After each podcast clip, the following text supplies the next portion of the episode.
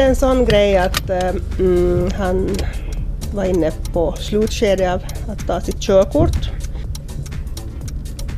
Eh, 2 juli 2010 var vi till Eknäs och han gjorde skriftliga, eller det är nog via data nu för tiden, men att då gjorde han den teoretiska delen och den klarade han jättebra.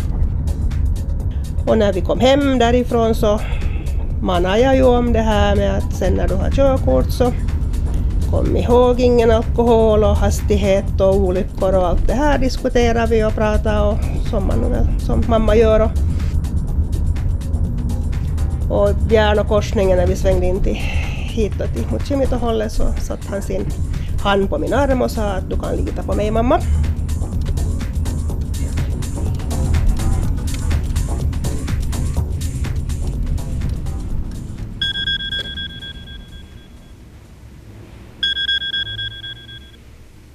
Klockan tre på natten ringde telefonen och då var det Tonys en kompis som ringde och frågade att, att det där, att hur är det med Tony?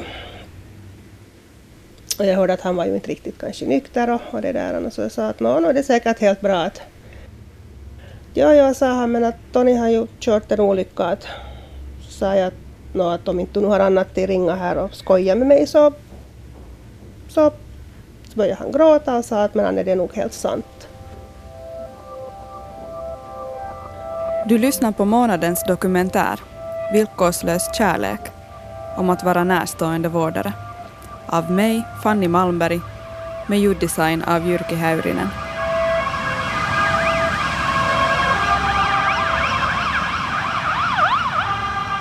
Han var sex veckor i koma. Eh, de gav nog inte egentligen något hopp åt honom alls. Att de frågade om vi vill prata med någon präst och sånt här. Det, det, det tyckte jag inte för att jag sa att Tony stiger nog upp härifrån. Anne, som är 53 år, har varit närstående vårdare åt sin 26-åriga son Tony i åtta år. Sommaren 2010 var Tony med om en bilolycka, bara två veckor innan han skulle få sitt körkort. Han hade redan köpt en egen bil som stod och väntade på gården och efter några öl tillsammans med en kompis ville han testa den. Enligt polisen hade Tony kört 120 kilometer i timmen. Bilen flög över 50 meter. Tonys kompis som var med klarade sig så gott som oskadd, men Tony fick två hjärnskador. Det här var det vad vi mötte. Och jag blev så glad när han hade tänderna kvar. De hade ju inte tvättat honom och någonting för de tänkte ju att han inte ändå klarar sig. Anne tog foton på vad hon tänkte skulle bli det sista hon såg av Tony. Det är ju nog så att när man står vid sitt barn, må vara 18 år, för sitt barn gör man ju allt som bara står i ens makt. Att bli närstående vårdare åt sin tonåriga son var ändå inget Anne kunnat föreställa sig.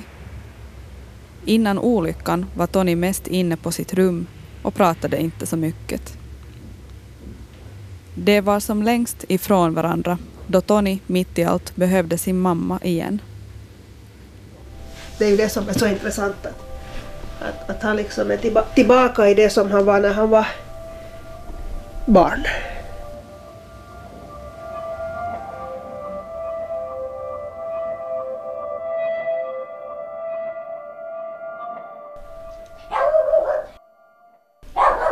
Dörren är öppen. Har du släppt ut? Nu men. Gå och jobba. Gå till, hus, gå till huset. Kom och jobba. Hon, hon tänker inte lyda dig nu. Vår historia börjar på 71 var eh, din dåvarande man spika hundutställningarna i gamla mässhallen. Men ni var Just det. fyra i alla fall då. och Jo, vi var med fyra. tre av dem har jag varit gift. Och hon har tagit li- livet av de där två tidigare så jag har tagit en medveten risk. Ja, du är den fjärde faktiskt.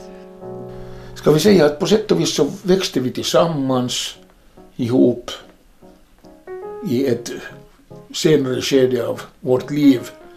Och sen när ramlande kom så, så, så det där, då blev det ju hänt sen. 2003, vad heter det, självständighetsdagen, så gick du och ramlade och slog, slog, slog sönder händerna dina. Rätt fingrarna. Ja. Jag ramlade på så illa på händerna. Jag hade två valpkullar hemma Ja. och, och, och flera fingrar av i båda händerna. Så ringde jag och sen Fredag kväll så började jag sex veckor semester för jag hade hela årets semestrar innestående. Och det där, no, det var ju ingenting annat. Jag sa att okej, jag kommer och här är jag fortfarande efter, efter, efter, efter. 2005 gifte vi oss. Ja.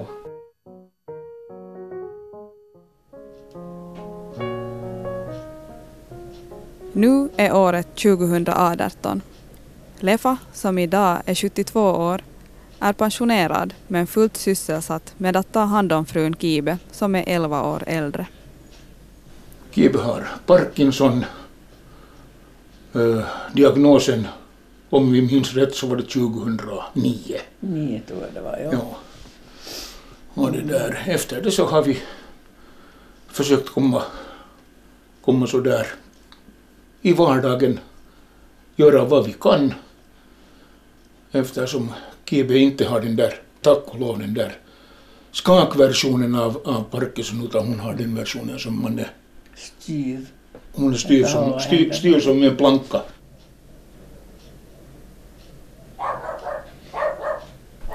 Ja, och vi, och det är ju det att Kiba har ju fött upp hundar i över 50 år.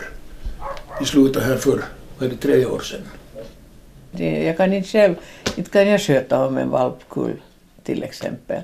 Inte kan jag gå ner på knä och, och man måste ju böja sig för, för att ta upp de där valparna och man måste, man måste göra så mycket saker som jag absolut inte kan göra. Jag sitter ju mest, mest bara sit, sitter, Sitter på ändan och tecknar, tecknar djur ritar, ja, ritar och tecknar, det gör jag. mm. och färglägger de där teckningarna. Hur överraskande var den här diagnosen sen när du fick den? Men den var nog överraskande, inte hade jag väntat mig att jag skulle ha den. Inte. Men det var förlösande på ett sätt, nämligen du hade ramlat i flera års tid, Ja. helt oförklarligt, farit omkull som en kägla. Ja. Och om det var litet också, en mattkant Ja. och så pang åkte hon på näsan. Och det där, eh, Man, man gör inget motstånd, Mm, liksom man, man, gör, man, man bara far. man, man bara låter det gå omkull. Om Kibe bara skulle ha Parkinson skulle livet vara enklare, rörligare. Några år efter diagnosen opererades hennes höft tre gånger under samma år. Det förstörde till slut hennes rörelseförmåga. Högra benet förlamat. Jag blir opererad, felopererad. Och, I höftleden. I, i, I höften här. Och det där. Och, och det, det, gjorde, det har ju gjort mycket till att, att jag har svårt att röra mig. Varför var det som din höft opererades från första början? Alltså det som var det att hon hade smärta i höften och det kom fram att hon hade kallbrand i höftbenet. Vad innebär det? Benet heter upp sig själv. Den är död liksom, Ja. den där knoppen. Ja, ja. Det blir sämre hela tiden, man märker att det blir... Det, Jo, men det är, inte, det, är inte, en- det är inte enbart den här höften som gör det, utan det, det, det att det blir sämre är också det att din Parkinson fortskrider. Mm, Den framskrider hela tiden. mm. Jag blir äldre. Du blir äldre och Parkinsonen blir värre och värre. Då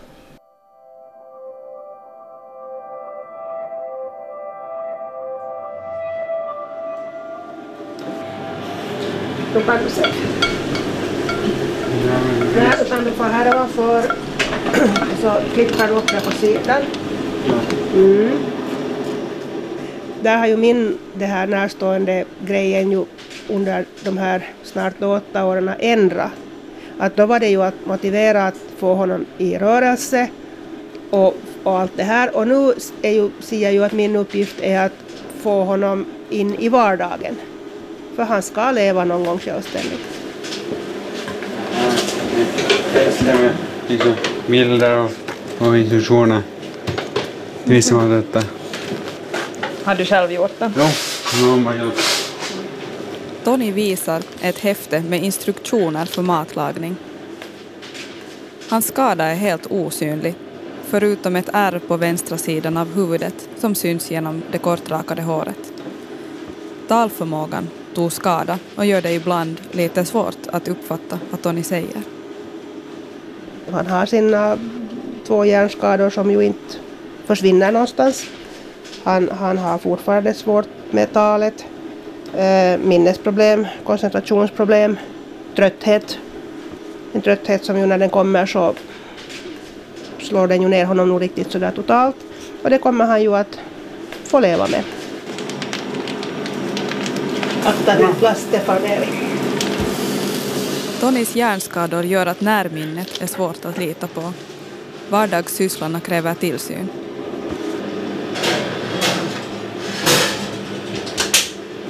att, att han ska laga åt sig mat så ska han ju komma ihåg då att han har ugnen på eller han har plattan på.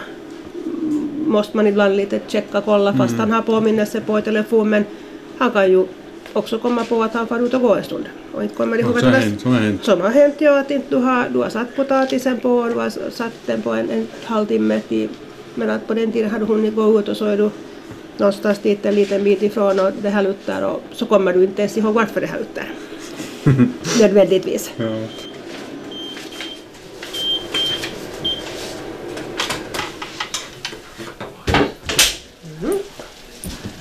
Det ser smakligt ut. Men förväntar jag det.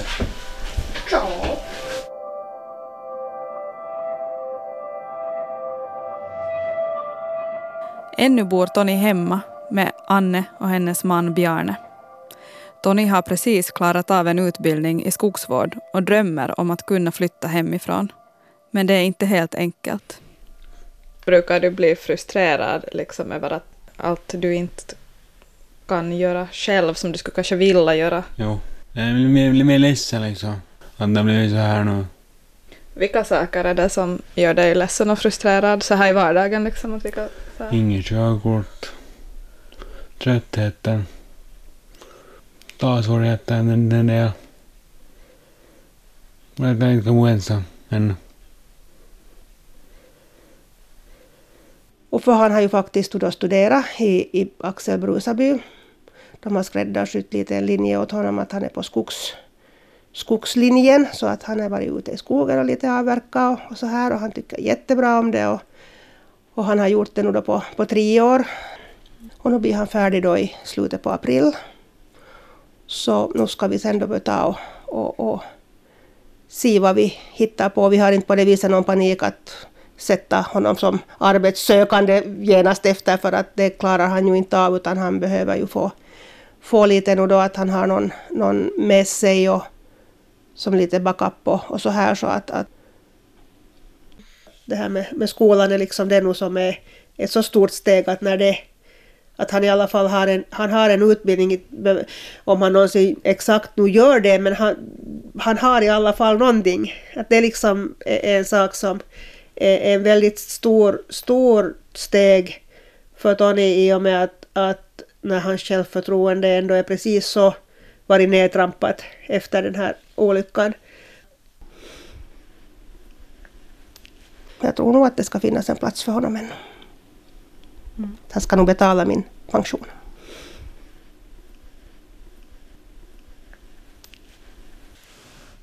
Och ska ni ha stor fest?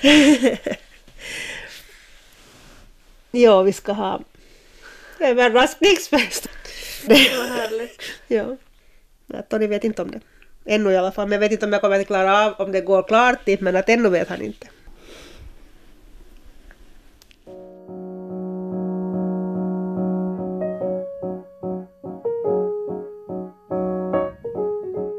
Det här, är- det, här, är- det här är normalt morgonsystem.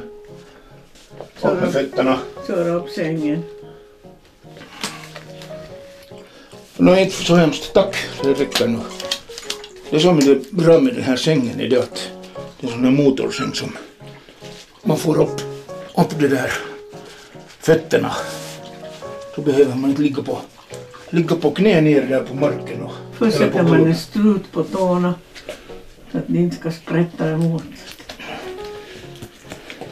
Har du sett någonsin när det där görs? Intressant. Helt jävligt varje morgon.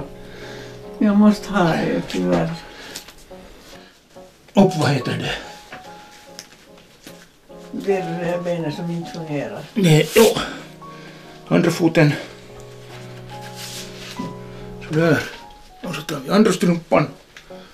Och så sätter vi den på. Hur många år har vi gjort det här? Fyra, fem? Nej, det, inte det väl det ännu. Nå, åtminstone fyra är det. För det är två par, två par stödstrumpor i år, per år som Så fort jag var utan en, en etta så fick jag blodpropp. Äh, där Det här hindrar liksom blodproppen att komma. spänner, spänner att, att vad heter det, systemet måste arbeta lite hårdare. När det blev svårare att röra sig var Kibe tvungen att ge upp sitt drömhus. Skogshuset kallar hon det. Nu bor hon och Leffa i ett radhus utan trösklar i centrum av Sjundeå. Det där skogshuset, ja, det var ett härligt hus. Det var faktiskt ett fint hus. Två våningar. Det var just det, det var två våningar. Vi hade sovrummen uppe och Vad betydde det huset för dig? massor. Jag, ville, jag skulle vilja, vilja hålla det. Om jag skulle varit frisk så skulle jag ha hållit det. Och så hittade vi det här och det var egentligen som var påpasslig att hitta det här huset. Och berätta om skogshuset. Ja, Leffa hade också problem med knäna och flytten blev en nödvändig förberedelse för ett lite enklare liv. vi säger på det här viset att jag ansåg att det kommer att bli för jobbigt att bo i. Jag hade då redan gått igenom ett knä, en knäoperation och hon började ha problem med, med att gå. Och jag, jag, jag är livrädd för att ramla omkull. Och sen om man slår sig, bryter lårben eller höftben eller någonting annat, vem sköter om henne sen? Ingen.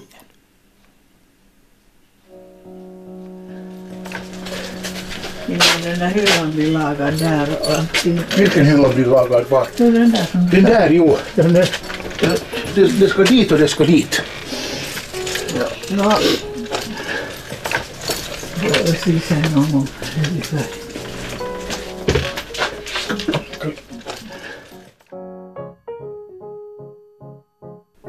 Man, man växer ihop på något sätt och när man är länge, man vet vad den andra är för slag och hurdan människa den andra är. Och eftersom man vet den andra, hurdan människa hon är, så man kan ta henne på ett annat sätt. Man ställer inte för stora förväntningar på henne. Utan okej, hon är sån här. Hon är sån här. Hon är inte sån här, utan hon är sån här. så, så det, det, det, det, och sen när man, som vi nu också är, vi är, vi är 24 timmar i dygnet är vi, är vi, är vi med varandra. Och det där, vi åker omkring och vi, vi upplever mycket tillsammans. Då när ni gifte er, kunde du alls tänka dig att det skulle gå så här?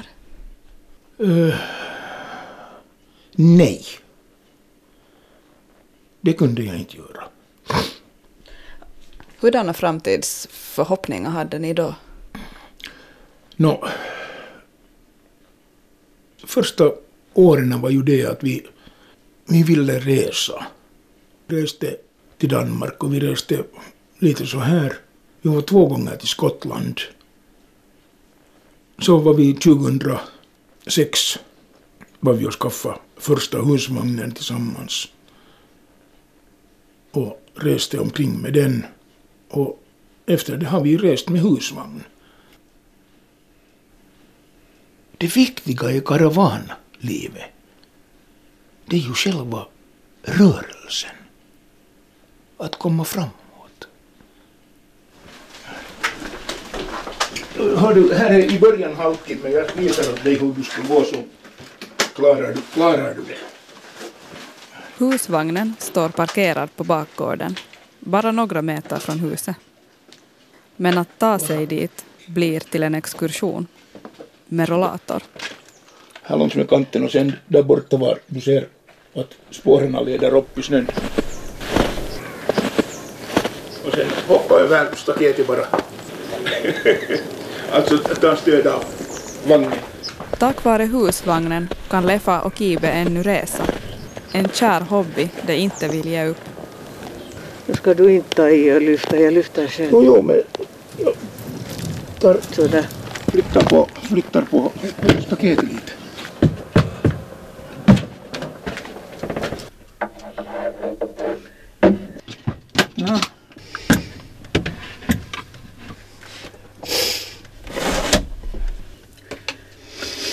Det var på det sättet kiva att han säger att nu ska jag kläderna på. Ja, jo, jo, det gör vi då.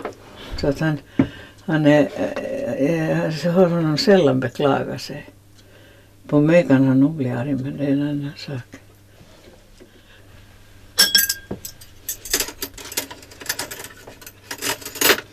Kive är expert på att använda massor med utrymme till ingenting. Höpö, höpö. No, nu har jag nu tycker jag, nu har jag ställt upp ganska bra. Jo, inte, sådär. inte det fråga om det inte älskling. Att du inte skulle ställa upp. Det gör du ju. Ja.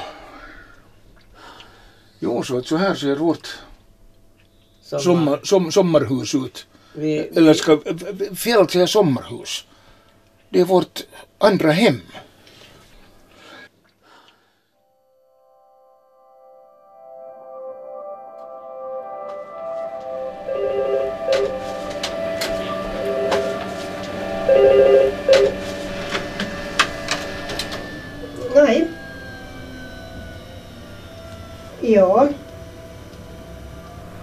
Att så fort som möjligt men att, men att eh, har du som sagt att du vet ungefär att om den blir 2 gånger 50 eller 2 gånger 70 så, så, eller någonting sånt så, så då, det, det räcker ju åt mig sen då men att med, med lite så att jag vet i alla fall var vi är. Anne tar emot en annonsbeställning av en kund. Hon kombinerar vårdande med sitt jobb som ombrytare på annonsbladet. Ja, yes. Så gör vi. Bra, tack tack. Okej. Det har varit viktigt att få komma bort, speciellt efter olyckan då allt var osäkert. No, vi råkar ju ha en sån rytm på jobbet att, att vi gör tidningen måndag, tisdag, onsdag och den kommer ut på torsdag. Så att därför så har det liksom nog sen att, att jag var inte ens sjukskriven efter olyckan, att jag har varit på jobb måndag, tisdag var jag på jobb hela tiden. För det var också sen så viktigt det att, att vara och göra att inte... in, no, de var ju liksom då i början så lugnande och, och sjukledigt var ju liksom det som de för tycks bjöd ut och jag sa att inte vill jag ha dem för att då ännu så jag sa att de kan behövas. Att det där med att jag har ju inte varit, varit liksom sjukskriven, att jag har varit på jobb och jag tycker att det absolut har varit, varit viktigt att, att kunna kanalisera lite de där tankarna någon annanstans. Jobbet har varit den enda krishjälp Anne har fått. Hon har inte hittat någon stödgrupp som skulle passa just henne och Tony. Eh, här på Kimitoön så har vi varit då på de här julfesterna som det ordnas för närstående vårdarna och deras, deras det där, eh, skön, ja, alltså för sina vad heter patienter, klienter. Men no, vi har varit nog tre, fyra år har vi varit. Och vi brukar vara där ungefär en tio, tio pers så här. Nå, alla andra är då som har sin make, maka i rullstol eller någonting sånt här. Men vi har nog varit med bara för att de blir ju så himmelens glada av att se Tony. att, att vi har ju nästan varit mera kanske som ett programnummer där. Också Tony har ett jobb på restaurang Skippers i Dalsbruk. Han får ingen lön utan det är en slags rehabiliteringsverksamhet. Han har många arbetsuppgifter. Jag spelar musik från datorn. Jag säljer drickor, blandar drickor. De är bord, diskar. Det är allt som behövs. Prata med kunderna om jag är ensam. Det är allt. Det låter lite som att du har också lite socialt ansvar där. Ja. Visst. Ja, det är nog en väldigt viktig grej för Tony att för det första det att det är ju sysselsättning men också det att han har en liten plats och att han känner att han är viktig och behövs. För det är en jättestor sak för hans självförtroende. Jo, visst. För det har ju ändå fått sig en ordentlig törn. Jo. Och det där och, och, och, och det här sociala umgänget att man har med, har med folk att göra. Så det är ju väldigt viktigt. För ensamhet är inte bra för ingen. Nej. Det är tråkigt med. Det är tråkigt dessutom. Ja.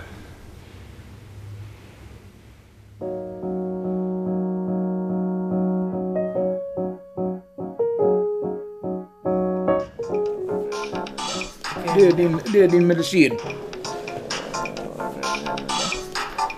Jo, jo, där du Men Medicinen ligger på, på kärran bakom mig. Okej, Mm. Tyst. Tyst står här och så står det OK och så står det tyst. Vad sa du på kärran? Är den inte där? Nej, nej. No, då är den på skrivbordet. Nu ska gå. Nej, inte den här. Titta nu på den lilla hyllan. Nej, den var inte där. Har ert förhållande påverkats av situationen? Nej, inte, inte. Vi är, vi, är, vi är lika nära varandra hela tiden. Vi har inte kommit närmare varandra och vi har inte glidit ifrån varandra på något sätt utan vi är nog lika nära som vi var för 10 år sedan, 13 år sedan. Och vi går förbi och så ger man den andra en klapp på rumpan jag tycker om dig. Det är sådana små vänligheter. Det är det bästa som finns. Jag har blivit äldre, Kibe har blivit äldre. Hennes Parkinson har framskridit. Hennes dåliga höft har, har, har börjat bråka mer och mer. Hennes knä har börjat bråka mer och mer. Mina knän har börjat bråka mer och mer. Alltså, det är inte samma läge mer som när det var när, då när vi började med det här. Utan det är någonting helt annat nu i dagens läge. Jag är rädd. Det blir inte bättre.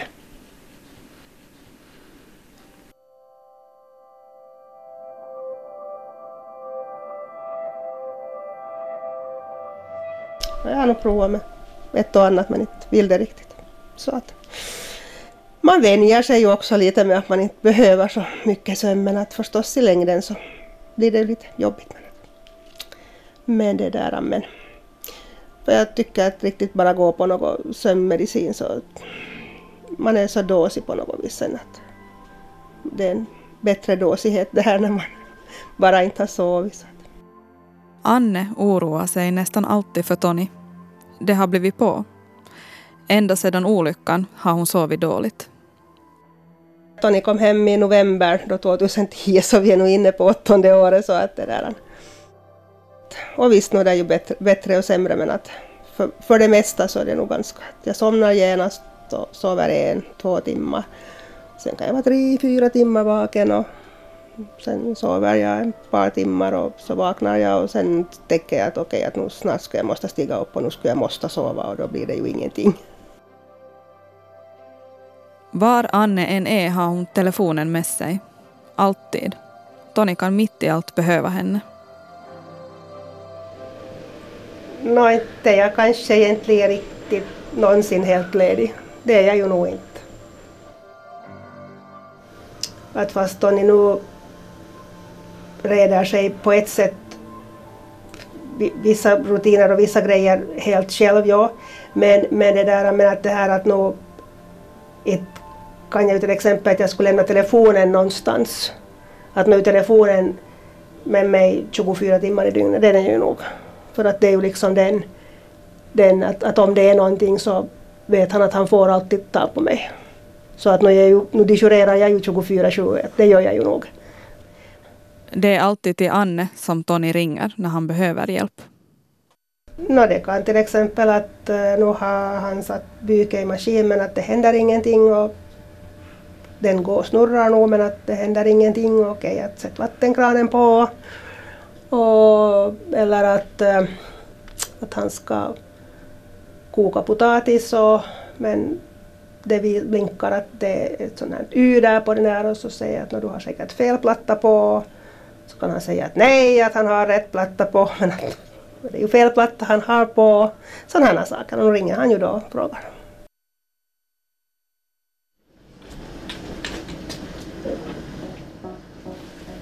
Oj, vad är det dålig luft. Ja.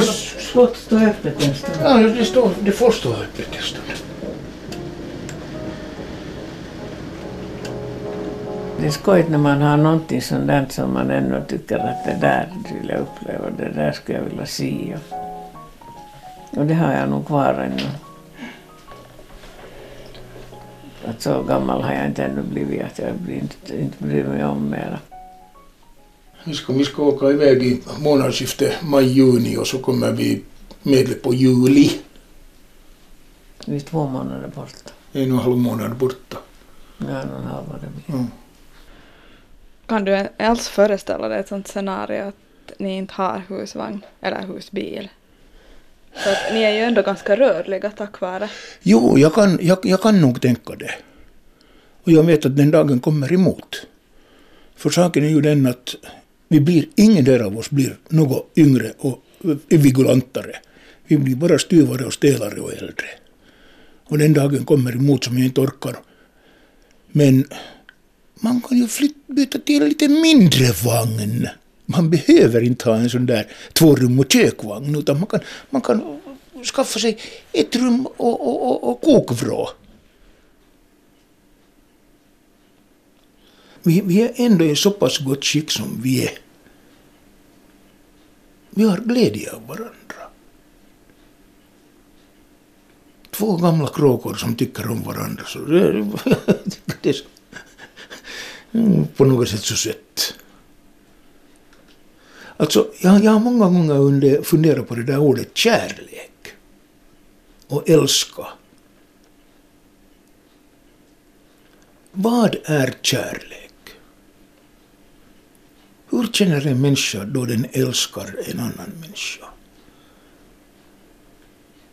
Och, och det där, jag skulle säga som så att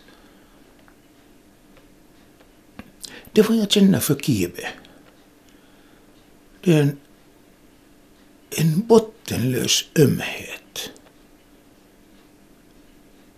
Och en stor tillgivenhet. För att hon är hon. Är det sen kärlek eller är det att älska? Det vet jag inte. Men det är vad jag känner.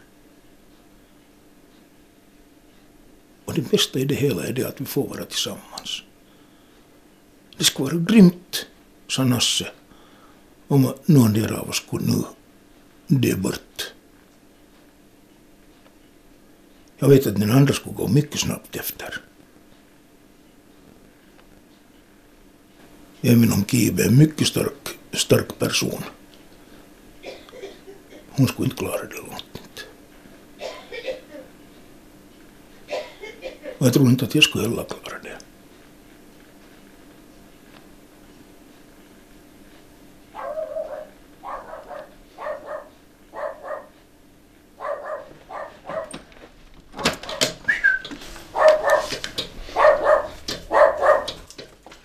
det. Vuoti Matti, vuoti Matti.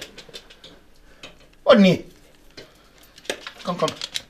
Vuoti Matti. Titta vad hon har hittat på.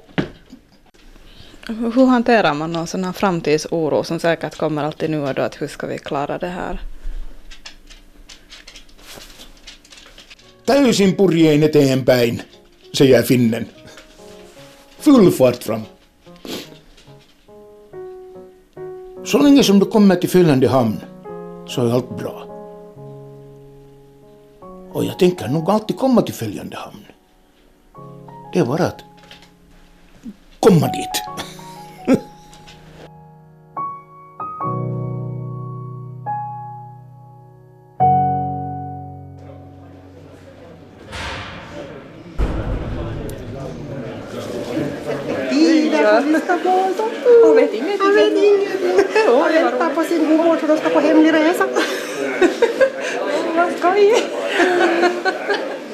Jag börjar vara svettig.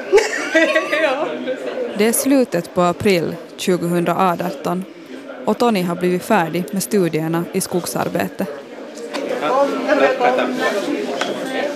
Ja, ni kan hänga av er rockarna där Men han vet ännu ingenting om att Anne i flera månader förberett en stor överraskningsfest.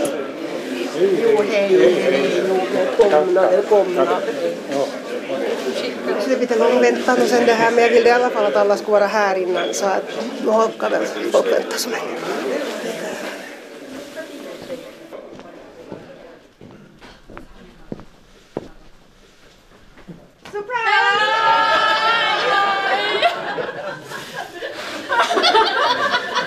Han skulle visa mig runt lite här. Det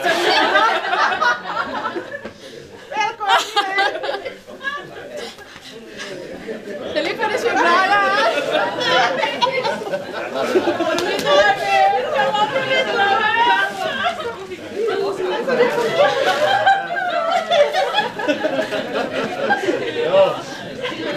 Alltså det var ju perfekt! Alltså det var ju perfekt!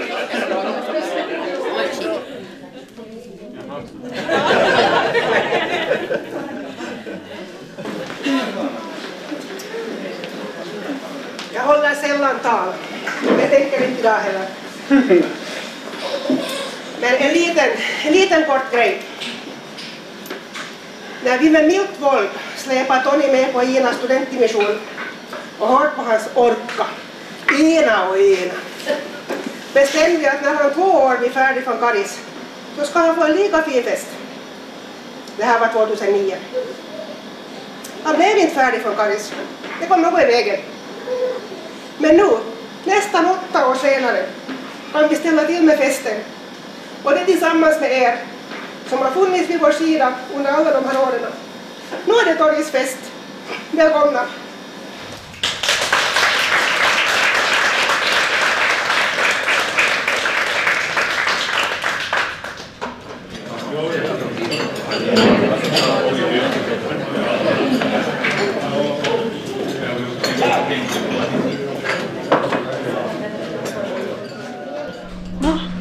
Nu är det liksom avklarat. Nu är det avklarat och, och det här var så lyckat. Det här var så totalt lyckat att äh, det kommer att ta nog lite tid innan det riktigt smälter allt det här nu.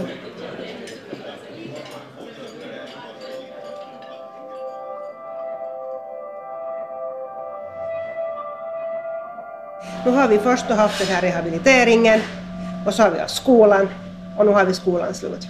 Så, så absolut så är det liksom nya vyer som, som vi har framför oss. Finns det några rädslor kvar, liksom att släppa taget på något Ja, sätt? ja, det är klart. Det finns rädslor förstås för det, men kanske nu börjar det redan bli de rädslorna att, att, att bara det inte händer mig någonting. För att han behöver mig ju nog ännu. En bit i alla fall på vägen. Har den här rädslan vuxit nu? No, det är klart, det växer ju förstås redan bara med det att jag ju för varje år blir äldre jag också. Att, och jag menar, det finns ju, inga, det finns ju egentligen ingenting som, som, jag menar, vem som helst kan få en stroke eller trafikolycka. Alltså det är ju att ingen vet hur det ser ut om två minuter. Men å andra sidan för varje år har ju också Tony kommit längre så att, att, att vi får ju lite åt samma håll på det viset att, att, att han blir starkare och, och, och jag försöker nog hänga med.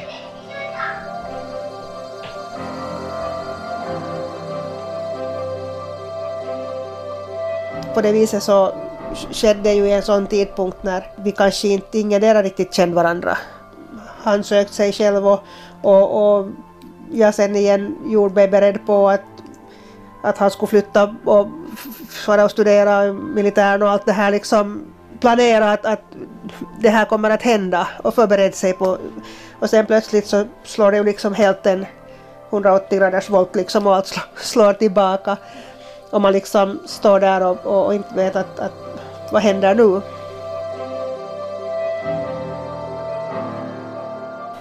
Jag har haft tur. Det har vi ju. Allting blev så bra fast det var så långt i början. Du har jobbat duktigt. Du med. Tack.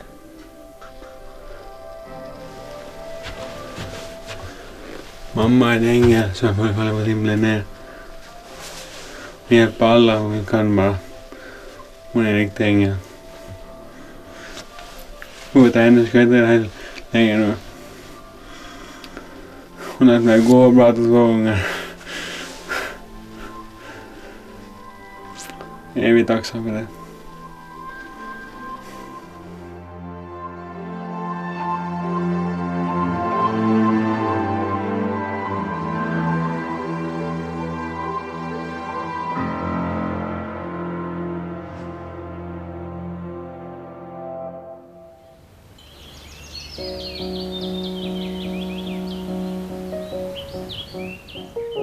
Du har lyssnat på månadens dokumentär Villkorslös kärlek om att vara närstående vårdare.